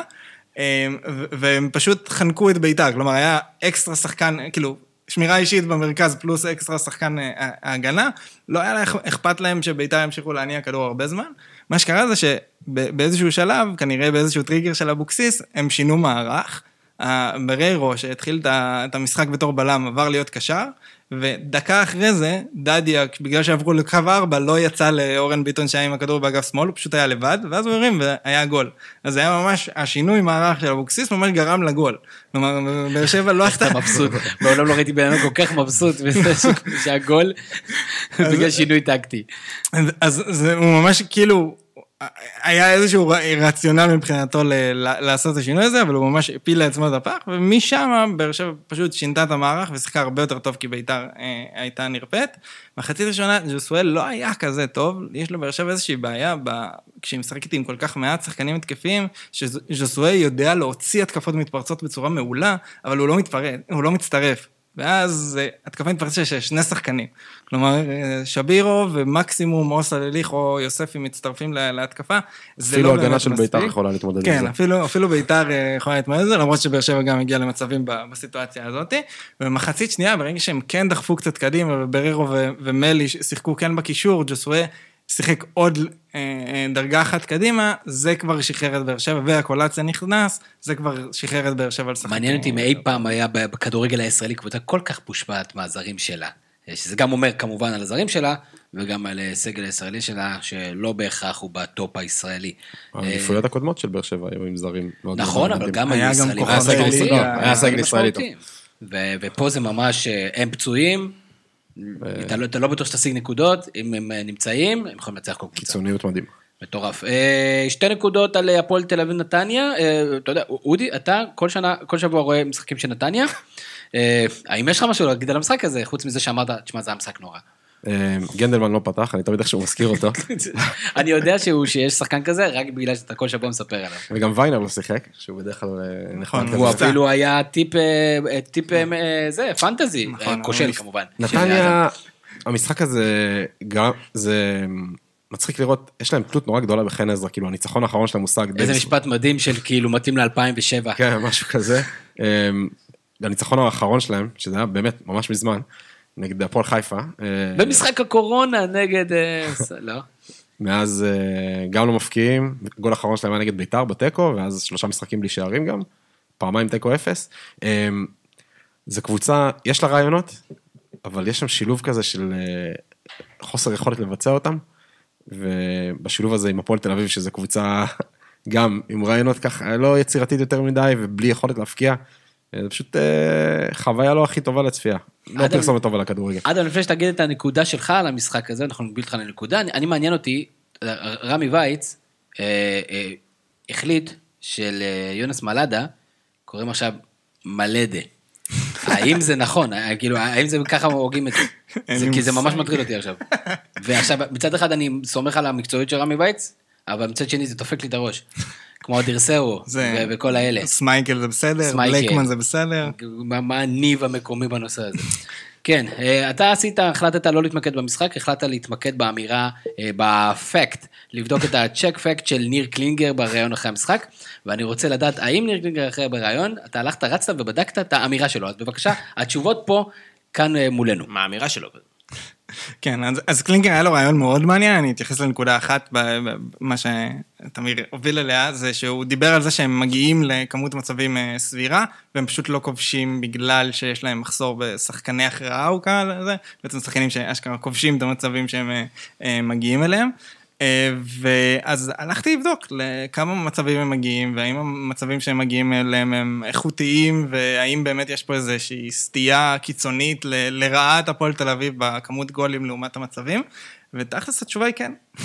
כלומר, אה, הפועל תל אביב ביחס לליגת העל היא כמובן כובשת ממש ממש ממש ממש מעט, ובטח כשמסתכלים על אה, שערי שדה, ברמה של 0 נקודה, ממוצע של 0.3 גולים למשחק, משהו כזה, זה משהו כאילו... שלושה שערי זכות השנה. כן, שאחד מהם בעיטה חופשית ועוד אחד פנדל, זאת אומרת שער שדה ממש ממש ממש ממש גרוע. אמ, בעצם אם מסתכלים על, על, על, ה, על ה-expected goals של, שהפועל תל אביב אה, מגיעה אליהם, היא, היא לא מדורגת כל כך בתחתית. כלומר, יש אה, ארבע קבוצות שמגיעות בממוצע לפחות, למצבים פחות איכותיים מהפועל תל אביב, והיא בפער כובשת אה, הכי, הכי מעט בליגה. ברמה שכביכול הם אמורים לכבוש כמעט שער יותר במשחק, כלומר הם מגיעים, לב... כביכול לפי הכמות המצבים שהם מגיעים, הממוצע שערים למשחק שלהם אמור להיות בסדר גודל, ושערי שדה בסדר גודל של שער למשחק, כמו שאנחנו אומרים, הם לא באזור בכלל. אה, אז יש הרבה, כאילו, אי אפשר להגיד על הפועל תל אביב שמבחינת היכולת שלה לייצר מצבים, היא חריגה לרעה מול התחתית. כלומר, מול, אה, מול הקבוצות צמרת, אין ספק שהיא חריגה לרעה, מול התחתית היא לא חריגה, הם פשוט לא כובשים. עכשיו, מסתכל על זה, אז הוא אומר, אין לנו שחקני הכרעה, אין לנו זה, אז הלכתי לבדוק, אוקיי, מי מגיע למצבים, אה, ולמה זה, זה, זה לא נכנס. פה תל אביב, כן יש שחקנים, כביכול, שחקנים התקפיים שמגיעים למצבים, זה לא שיש להם איזה, זה, זה, זה, אתה אומר, אלטמן, אושר דוידה ורועי זיקרי, זה השחקנים שמגיעים ל, ל, לכמות מצבים הגבוהה. אה, אושר דוידה, אנחנו מגלים כרגע, מבחינת הזה, הוא מגיע ללא מעט מצבים, והיכולת כיבוש שלו כרגע נראה זוועה. אני מאמין שזה לא כי הוא פשוט שחקן, לא יודע, הוא לא יודע לכבוש, אני מאמין שלאורך זמן, אם הוא ממשיך לשחק ככה, זה כן יתאזן לאיזשהו כיוון, אבל זה כן נכון שהוא לא חלוץ מוכח בליגה, שאפשר להגיד, אוקיי, אה, אנחנו מצפים משחקן כזה, שאם הוא מגיע למצבים, או אפשר לסמוך על זה, זה לא, אפילו לא כמו הזרים של קבוצות אחרות, כמו שבכפר סבא יש את קיזיטו, ובהפועל חדרה יש את אה, מרשל, שהם זרים שמגיעים ומראים שהם גם מגיעים למצבים וגם כובשים, להפועל תל אביב באמת אין את השחקן הזה. ואפשר להגיד שזה קצת, כאילו, כביכול השחקן היחיד בסגל שאפשר להגיד עליו שהיית מצפה זה אלטמן, והוא באמת קצת, הוא בכושר כיבוש הרבה פחות טוב מעונה שעברה, אבל גם אלטמן הוא לא חלוץ חוד, הוא לא, הוא לא שחקן שאתה מצפה ממנו על... על, על הוא עונה שעברה היה כזה, אבל הוא לא אמור להיות שחקן שמוביל קבוצה בתור חלוץ אה, חוד. אם הם מוכרים אותו, זה המהלך הכי ציני שיש, הוא השחקן היחידי שמגיב להם, אם הם באמת מוכרים אותו. השאלה אם קלינגר יהיה מאמן, כשדוד יכבוש את הגול הזה סוף סוף. זה גם שאלה. נר ראשון של חנוכה מתקרב, אודי. יום הדין. יש מצב שיש אנשים שישמעו את הפרק הזה אחרי הנר הראשון, ויכול להיות שכבר קלינגר לא היה מאמן. אה, כן, ואז יהיה ההימור שלי. וההימור שלי יתגשם. אז זה הדבר היחידי שמעניין. אה, אני חושב שאין ספק שמעבר לעניין הכיבושים, אה, קלינגר ממש הכין שם סוג של כתב הגנה לזה שכשהוא יסיים את התפקיד הזה, אה, זה לא באמת היה כזה גרוע כמו שהנקודות אומרות, כאילו הוא לא סתם ציין את כל הדברים האלה על, על ההגעה למצבים והכיבוש והיכולת של השחקני הכרעה שלא קנו לו לזה, הוא ממש מכין את זה של כאילו, החלק הזה של הקדנציה שלי בהפועל תל אביב זה לא עליי. אנחנו מכירים את הנאומים שלו כאלה, מכירים נאומים כאלה שלו כשהוא היה בהפועל באר שבע, ומכירים את הנאומים האלה כשהוא היה בהפועל חיפה, ומכירים את הנאומים האלה בבית"ר ירושלים, וניר קלינגר הוא מתמודד. איש ספורטאי ומאמן עם זכויות רבות בליגת העל, ו, אה, ועם זאת, אה, חלקו, לפחות כמו של כל אחד אחר, בפארסה הזאת שנקראת עשרה שערים, סך הכל, כולל שבעה חובה, בשמונה משחקים, אז אם נתנו נקודת ציון שבח למכבי חיפה על 30 שערים בתשעה מחזורים במשחקים שלה, פה אה, זה פשוט בלתי ניתן לצפייה, וצריך גם להגיד את זה, וזה, ואנחנו מקווים מאוד, בשביל הפועל תל אביב, בשביל הליגה שלנו, שתהיה שם איזו תוששות שיקרה משהו, אה, האופטימיות כרגע ממני והלאה בנושא הזה. אז אה, זו הייתה ליגת העל שלנו במחזור התשיעי, אה, ואנחנו רוצים לעבור לפינה, שתכלס קיבלה הרבה מאוד מחמאות ובצדק.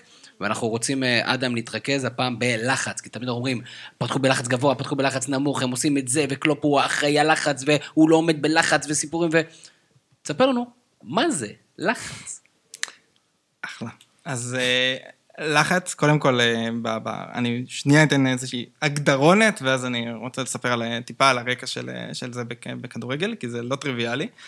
לחץ זה, זו פעולה הגנתית. כלומר, זה איזושהי פעולה, פעולה ש, שהקבוצה בלי הכדור עושה, ובעצם העניין הוא שהקבוצה שבלי הכדור עושה פעולה שאמורה להפריע למי שעם הכדור, זה הכי בסיסי.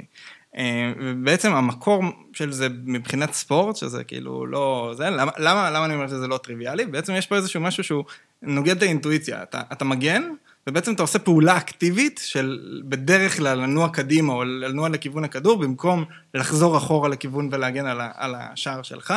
Uh, המקור של זה הוא, uh, זה מה שמייחסים לו זה ב-1934, תומאס פטריק גורמן, שהוא היה כתב ספורט, הפך להיות מאמן אוקי, הוא המקור של זה, הוא היה הראשון שעשה את זה, הוא זכה ככה באליפות אחרי שהפסיד ארבעה משחקים ברציפות, כי הוא נתן את ההוראה הזאת, בהגנה, אל תלכו אחורה, אלא תלכו קדימה לזה, זה המקור הממש היסטורי של זה, שיש לו תיעוד בספורט.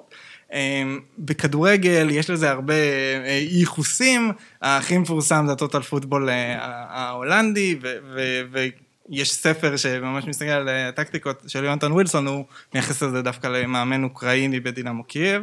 אמ, וזה משהו שהוא מלווה אותנו כבר הרבה זמן, זה לא משהו חדש, אבל אין ספק שאם מנסים לאפיין את התקופה האחרונה, כלומר את העשור האחרון של, ה, של הכדורגל, אפשר להגיד, לאפיין אותו בתור אה, עידן הלחץ ועידן הלחץ הגבוה, זה משהו שהפך להיות הרבה יותר פופולרי, הרבה יותר מאומן ב, ב, בשנים האחרונות.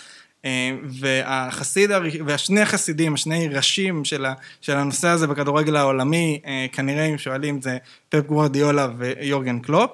אה, ותכלס, אם הולכים על האיפסטריות, אז ביאלסה בתור מקור זה, זה גם איזשהו מקור ש... ש... משם מגיע איזשהו ניב של לחץ? כן, באמת... יש שורשים באמת שיודעים שגוורדיולה או קלופ באמת למדו, ינקו את תורתו של ביאלסה, או שזה סיפורי סבתא כאלה? אז ביאלסה זה דווקא יותר באזורים של, של פוצ'טינו והמאמנים הארגנטינאים. יש את הסיפור של פפ שהוא טס ל, ל, למקסיקו וכל הסיפור עם ביאלסה בשנת שבתון של פפ, שאומרים שחלק מהתורת משחק של פפ על הלחץ מגיע מה, גם יונק מביאלסה, אבל אני חושב שיש פשוט בגישה שלהם משהו מאוד שונה, מאוד שונה בגישה של הלחץ של פפ וביאלסה, אז יכול להיות שיש איזה ביסוס, אבל זה, זה לאו דווקא לקחו את זה לאותו אה, כיוון. אוקיי, אז, בוא, אז בוא נסביר באמת את ההבדלים, אמרת שיש שני ראשים לשיטה הזאת, בוא נסביר שנייה את ההבדלים. אז, אז אה, ברמה... תן, תן לי קצת איזה פתגמים שאני אוכל אחרי זה ללכת ולהגיד מה למדתי. בית מדרש גרמני. סבבה. ברמה הכי בסיסית, אם, אם מאפיינים את זה בקיצון, אז הגישת לחץ של, של פפ אומרת, אה, ברגע שאיבדתי כדור, אני רוצה למנוע מהקבוצה השנייה לצאת למתפרצת. אמ, ואני רוצה להחזיר את הכדור אליי כמה שיותר מהר, כי אני לא יכול לספוג כשאני עם הכדור. אה, הגישה של קלופ אומרת, אה, ברגע שאיבדתי כדור, אני רוצה את הכדור בשביל להבקיע. עכשיו, מה שגם פפ רוצה להבקיע, פשוט... כן, זה נשמע דומה. כן, פשוט פפ לא רוצה את הכדור, לחטוף את הכדור בשביל לעשות מהלך התקפי, כלומר לחטוף בשביל עכשיו לייצר מהלך ש, שמוביל לגול, הוא רוצה את הכדור חזרה, פשוט, בהגדרה, למנוע מהקבוצה היריבה לצאת למתפרצת ולהמשיך להניע כדור בצורה הפפית של להחזיר את הכדור לקבוצה שלו ולשלוט בכדור. קלופ מבחינתו, הלחץ הוא כלי לייצר מצבים. כלומר, מפה, ברגע שאני חוטף את הכדור, אני רוצה לייצר מצב. אני לא רוצה להחזיר את הכדור להמשיך להניע אותו, או פשוט למנוע את המתפרצת, אלא יש פה איזושהי כוונה להבקעה מיידית. זה ממש בכותרת, ברור שזה באותו אזור, אבל זה ממש בכותרת השוני. שנייה, אני עוצר. אמ, צריך להבין שכשמדברים על לחץ, לדעתי יש איזושהי אה, מיסקונספציה על מה שקוראים לו אה, לחץ, כי אני אתן הגדרה טיפה יותר מדויקת. לדעתי כשאומרים לחץ זה, זה פעולה הגנתית שהמטרה שלה היא להלחיץ את מישהו עם הכדור, לתת לו פחות זמן ומקום לעשות את, ה, את הפעולה שהוא עושה, אמ, ו, ולמנוע ממנו לעשות את הפעולה האידיאלית. אוקיי?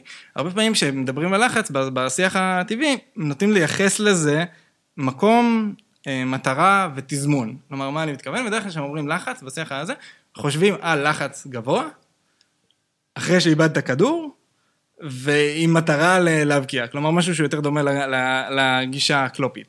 ויש פה המון ניואנסים, כי זה לא רק זה. כלומר, אם מדברים על לחץ, אז אפשר לעשות את זה גם בשליש של היריב, אבל אפשר לעשות את זה במרכז, ואפשר לעשות את זה גם בשליש ההגנתי. כלומר, יש, יש שיטות לחץ שהמטרה שלהם היא לייצר מצב דווקא הגנה פסיבית, שעם טריגרים מסוימים אתה עובר ללחץ, גם אם זה בחלק ההגנתי, יש גם גישות כאלה. אה, המטרה, כמו שכבר דיברנו על זה, שיכול להיות מטרה של להבקיע ישר, ויכול להיות מטרה של פשוט להחזיר כדור. המטרה היא גם לא זה, זה יכול להיות גם מטרה של למנוע מהקבוצה לעשות, אה, היריבה לעשות מסירה קדימה. כלומר, לגרום לה לעשות מסירה אחורה, אפילו לא לחטוף את הכדור. כלומר, אנחנו חושבים על לחץ, על פעולת לחץ, אנחנו חושבים על פעולה של לנסות לחטוף את הכדור. זה גם, אפילו זה לא נכון. אפילו הפעולה של לנוע לכיוון מישהו עם הכדור בשביל שהוא לא יוכל למסור לשחקן שמאחוריך, זה גם פעולת לחץ שיכולה להיות מוצלחת, כי המטרה שלך זה שהוא ימסור למקום אחר. אה, וה, והדבר האחרון, זה שזה התזמון. אנחנו חושבים על לחץ בעיקר בגלל הנושא של gegenpressing וזה, ישר אחרי איבוד כדור. לחץ יכול להיות ב, ברוב התזמון כשאתה בלי הכדור. כלומר, בדרך כלל כשמדברים על כדורגל, יש, הם מחלקים את זה לארבעה מצבים.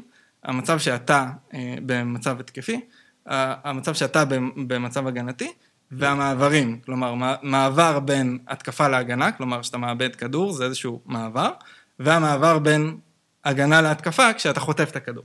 אז בעצם התזמון של לחץ יכול להיות או שאתה איבדת כדור, ואתה רוצה כמה שיותר מהר לחזור להתקפה, זה הגישה הקלופית. כלומר, איבדתי כדור, אני רוצה להחזיר את זה למצב ש, ש, ש, שאני תוקף, ויש את הגישה האחרת שאומרת, אני קודם עושה פוזישנינג של הגנה, ורק אז אני לוחץ. אני לוחץ מה, מה, מה, מתי שנוח שזה לי. שזה תלוי גם בסגנון השחקנים שיש לך, נכון. במהירות שיש לך בחלק הקדמי, וכמה אתה יכול לייצר את התקפה הזאת. אה, אחד המשפטים היותר נפוצים ששומעים לגבי משחק לחץ, זה שאין לנו כושר גופני לעשות את זה יותר מחמש דקות או עשר דקות. אז קודם כל, אה, רציתי להבין למה, כלומר, יש כל הסרטי קולג'ים או סרטי כדורסל שבטלוויזיה שלוקחים בתחילת עונת השחקנים, קוראים אותם ואז הם יכולים לעשות, אה, כאילו, באמת בלתי אפשרי לעשות יותר מכמה דקות של לחץ. אם כן זה קואוצ' קרפר. כן, בדיוק, כאלה, והאם אנחנו מזהים בחו"ל, שהם יכולים לבצע יותר דקות לחץ מאשר קבוצות בארץ. אז א', אני כאילו, אם, אם, אם אני אשלים שנייה את מה שאמרתי מקודם, אני דווקא על הארץ, אם אני אשלים בארץ, אפשר להגיד שגם בארץ יש איזושהי אה, עלייה מאוד גדולה בשני, בשלוש שנים האחרונות בנושא הלחץ בארץ, ואפשר להגיד בצורה מובהקת שהמקור של זה זה איביץ', איביץ' הגיע והוא אחד המאמנים הראשונים ששם דגש על משחק הלחץ בקבוצה גדולה, בתור כלי, אה, ואצל איביץ' ראו מאוד את הדגש על כושר גופני ועל שחקנים שעמידים ל- לעשות לחץ ל- ל- לאורך זמן. אה, ונושא הכושר הגופני הוא, הוא באמת קריטי. כמה זמן אפשר לעשות הוא, לחץ? הוא, כלומר, אוקיי, אין כמעט קבוצות שהן לא עושות את זה באינטרוולים. זה לא, ודרך אגב, הגישה הפפית, חלק מהסיבה אה, של פפ להחזקת כדור של אזורי ה-60 פלוס אחוז, היא לאו דווקא בשביל להחזיק בכדור כל כך הרבה זמן אה, מבחינה התקפית, אלא בשביל שכמות הזמן שהם צריכים להיות אקטיביים בהגנה, כלומר הוא לא רוצה הגנה פס, אה, אה, פסיבית, אלא הוא רוצה הגנה אקטיבית, בשביל להיות מסוגל לעשות הגנה אקטיבית בכל הזמן שאין לך את הכדור, אתה צריך להחזיק בכדור הרבה. אוקיי? אז יש פה הרבה זה, גם אין ספק שמאמנים שדוגלים בשיטות לחץ קיצוניות, כמו ביאלצה, כמו פוצ'טינו, רואים אצלם המון ענייני פציעות והמון ענייני דעיכה במהלך עונה. כלומר, זה, זה משהו שהוא לחלוטין אה, אה, קיים, כלומר אנחנו רואים איזושהי נפילה ביכולת, אנחנו רואים איזושהי נפילה ברגע שיש פציעות וברגע שיש נפילות. אני, זה באמת בגלל שכדורגל משוחק על שטח כל כך גדול, אז יש פה עניין של כושר גופני וצריך לנהל את הדבר הזה, אני חושב שזה חלק מעניין האימון היעיל של, של לחץ, זה באמת לנהל את מתי עושים את זה ולא...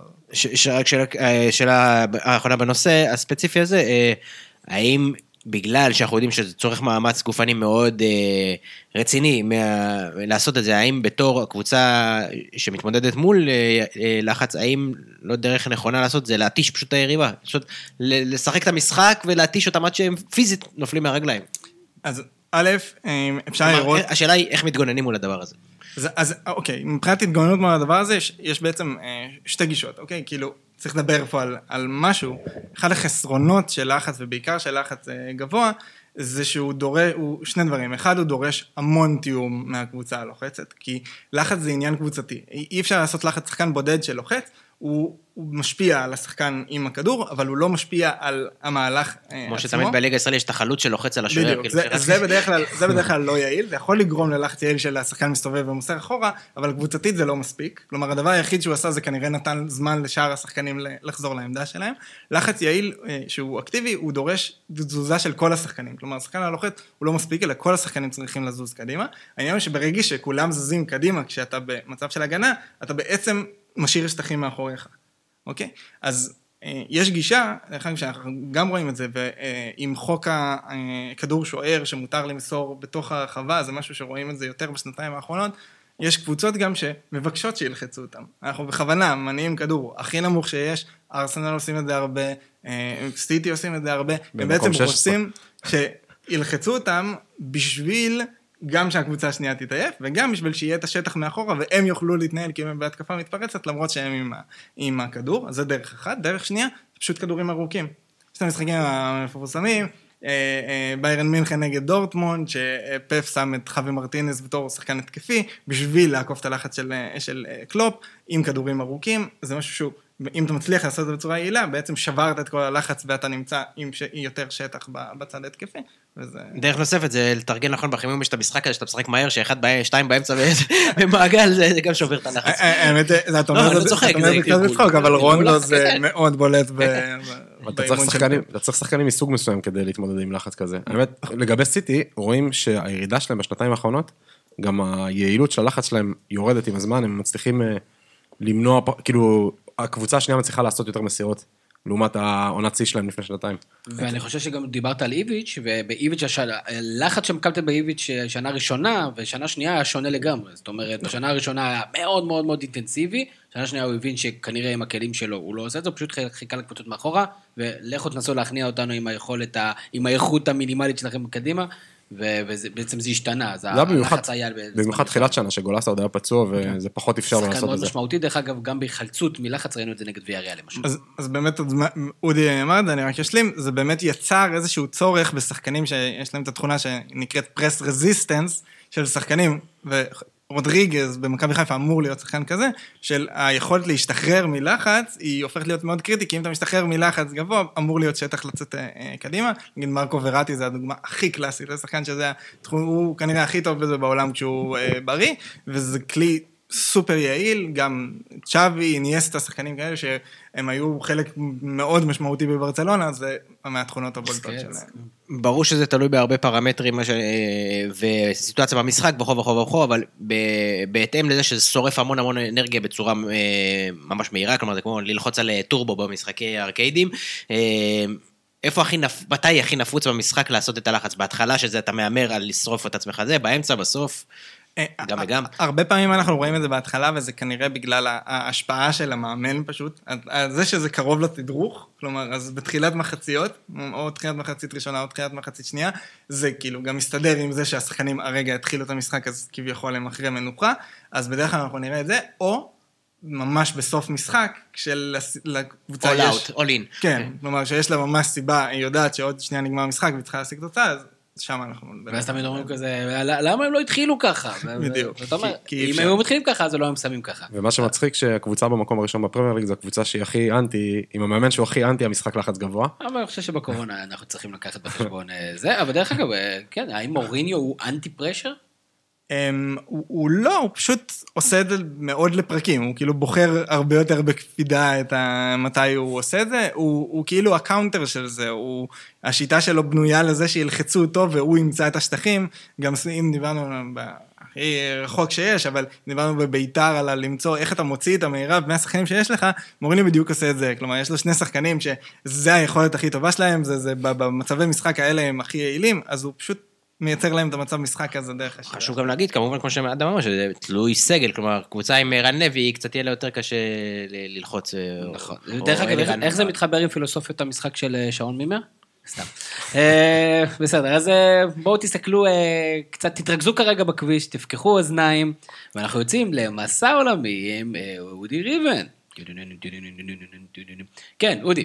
אז יאללה, אז אדם אמר מקודם איביץ', אז נתחיל בצ'מפיונשיפ, שאיביץ' שם התחיל טוב, קצת נחלש, כרגע מקום שביעי עם ווטפורד, אבל בכלל מה שאנחנו רואים זה שהקבוצות שירדו ליגה שנה שעברה מהפרמייר ליג, אה, הם אלה שכרגע נמצאות במצב הכי טוב. מי שמובילה את הליגה זו נוריץ', היא עדיין עם טימו פוקי, אה, חביב הפנטזי, ועדיין עם אותו מאמן, הם לא פיטרו את המאמן. אפשר להגיד את השם הזה בלי לצחוק. טימו פוקי, כן. אפילו בפוד די גדול באנגליה, דיברו על זה, על איך ש... אה, כן, זה- כן, זה- מילה בינלאומית? חשבתי שזה כזה מילה לא, ישראלית. הם צחקו על זה שבישראל כן, פוקי, כן, כן. אה. משמעות. ש... כן. אוקיי. שחבר שלי שהוא שכן של שרון דוידוביץ' הוא זה שסיפר להם להגיד את זה. אה, דרך אגב, ווטפורד כרגע, ברגעים אלו ממש, מובילה 2-0 ומטפסת אה, למקום השלישי. אז סתם שאלה, ברמת. האוהד המכבי תל אביב, שאומרים איביץ' אל מול אומרים ערן זהבי, איפה זה בסקלות?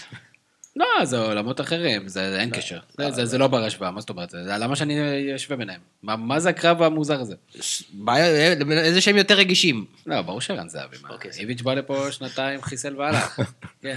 כן, אה, עוד אה, מקום הראשון, כרגע אה, אמרנו נוריץ', מקום השני, עוד קבוצה שירדה ליגה, שכן החליף את המאמן, זה בורנמות', שהשחקן המצטיין שלה עד עכשיו הוא אה, אחד הנג'רים הגדולים, דומיניק סולנקה.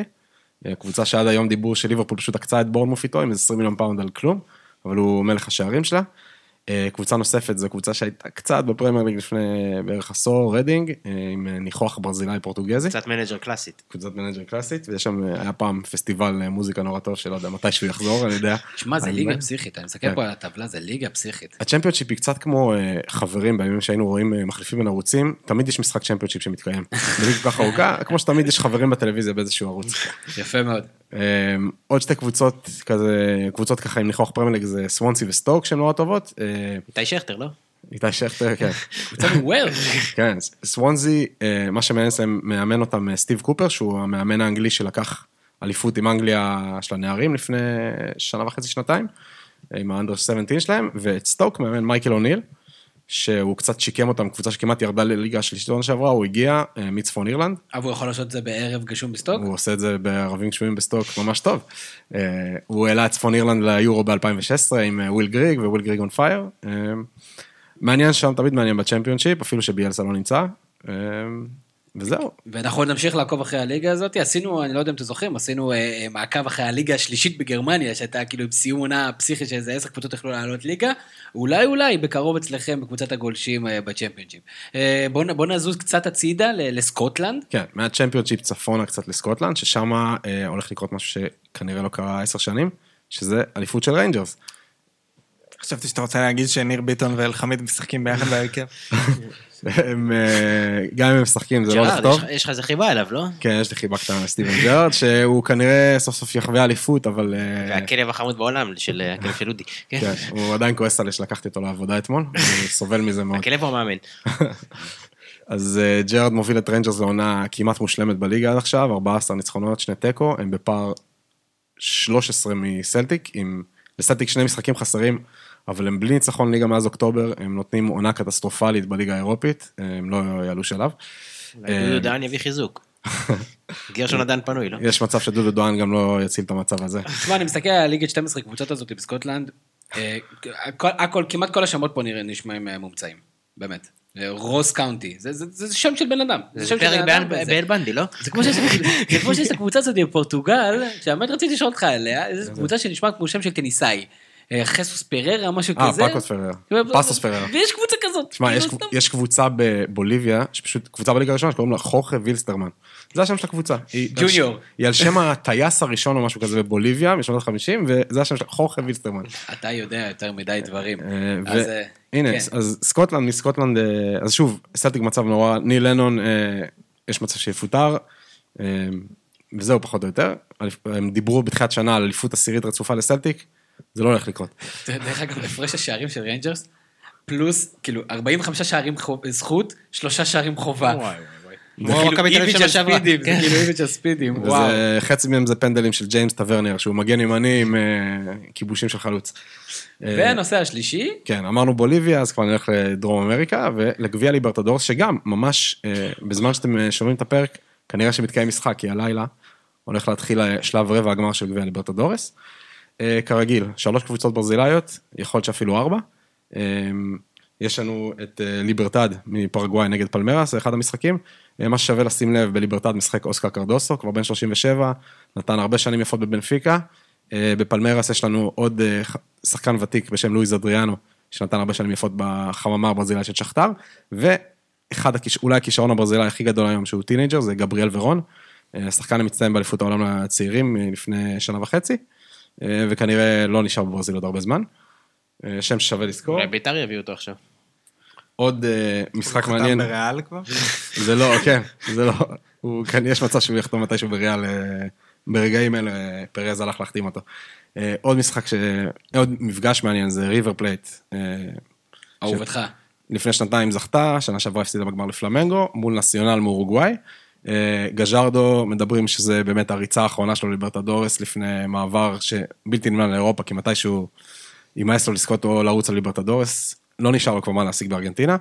אה, שני שחקנים, שחקן אחד בעצם ששווה לשים לב אליו ב- בריבר פלייט זה ניקו דלה קרוז, אה, אורוגוואי, שמשחק מול אה, קבוצה אורוגוואית, שחקן בן 22, קשר קטנטן כזה, מטר 67, מין פליימייקר דרום אמריקאי קלאסי, עם טיפה כזה נגיעות מודרניות, גם סביר להניח שזו השנה האחרונה שלו ב... מה זה אומר נקודות מודרניות? הוא מגיע כאילו... זה עם- בפינה הבאה של אדם. הוא מגיע עם חבילת הבסיס עם חלונות חשמליים? שזה לא אה, פליימייקר כזה, פבלו איימאר או אריאל אורטגה שמשחק באמצע והכל יותר- סביבו. עם קצת יותר עוצמה. קצת יותר לא, אבל הוא עדיין אה, קצת אה, גמדון כזה.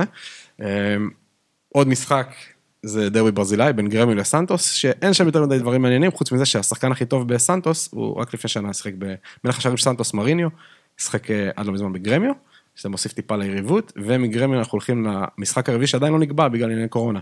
ראסינג מארגנטינה עלתה, היריבה שלה תהיה או בוקה, שמשחקים בה בעיקר זקנים, כמו קרלוס טווס ואדוארדו סלוויו, שהיה באתלטיקו ובבנפיקה, אה, או אינטרנציונל, שמשחק בה זקן אחר, אנדרס דה אלסנדרו, שחביב לאנשי פיפא ו manager וקצת אה, ליגות ככה, טיפה בגרמניה וספרד. אה, ואם אינטרנציונל יעלו ואולי יעברו את בוקה, אז הם יכולים לפגוש את גרמיו, שזה אחד היריבויות אחת היריבויות הכי גדולות בדרום אמריקה. אודי, אתה יודע יותר מדי ריבן, תודה רבה על המסע הזה. אה, אדם, תן לנו איזה טיפ שתיים של ה- של ה fantasy, שאני הפעם אזכור לעשות את החילופים. סבבה. אה, אז אה, קודם כל ראינו במכבי חיפה נגד קריית שמונה, שחזיזה התחיל לבעוט פנדלים, אז זאת המלצה אחת, הוא עולה 12 ב- בפנטזי של ערוץ. הספורט, קשר, כן, הרבה, אבל הוא נותן מספרים. מספרים. הוא יכול להיות כאילו מישהו שלא הרבה ייקחו, עם פנדלים לדעתי לגמרי שווה, אם יש לכם כן, מקום אם אתה מקבל. פנדל כל שבוע, אז אתה יודע. איגוד השופטים הזה. אמ, עוד, אה, קבוצה שנראה לי שווה ל- להסתכל עליה, אם אין לכם, ודיברנו עליה לא מעט בפרק, אשדוד, יש להם רצף די אה, קל עכשיו, אה, כפר סבא, חדרה, הפועל חיפה. כפר סבא זה אמ, לא קל נראה לי. אמ, כן, זה יכול להיות בעייתי לקבוצה שמשחקת כמו אשדוד, אבל עדיין. אמ, התקפה, או דין דוד או יחזקאל, תטילו מטבע אם שניהם בריאים. אה, בהגנה, יש להם את הבלם, אה, שהלוואי שהייתי יודע להגיד את השם שלו, יש שם איש בסוף, הוא, אה, הוא מאוד גבוה, ועם שלומי אזולאי על מצבים נייחים, זה שחקן, הוא, הוא כבר, הוא מאיים הרבה על השאר במצבים נייחים, לגמרי שווה לשים אותו, כי הוא יכול גם להבקיע וגם בשלושה המשחקים האלה לפחות איזה שתיים שער נקי, תכניסו. אה, עוד שחקן שיכול להיות כאילו מאוד שונה ממה שאנשים לוקחים, איתמר שבירו, הפועל באר שבע, עולה רק שש, והוא כרגע פותח. אה, קבוצה שאמורה להיות קבוצה גדולה, הוא מגיע ללא מעט מצבים, הוא נראה בכושר טוב, גם באירופה הבקיע, גם בליגה. אה, יכול להיות אחלה זה. נתניה גם יש לה רצף טוב. אה, הייתי אומר להסתכל על ההגנה, אבל, אה, אבל קצת לא ברור מה קורה שם. אם וייר חוזר מהפציעה, אז הפעם תיקחו ואני מקווה שהוא לא ייפצע, סליחה על פעם שעברה, אם מישהו לקח בגללי.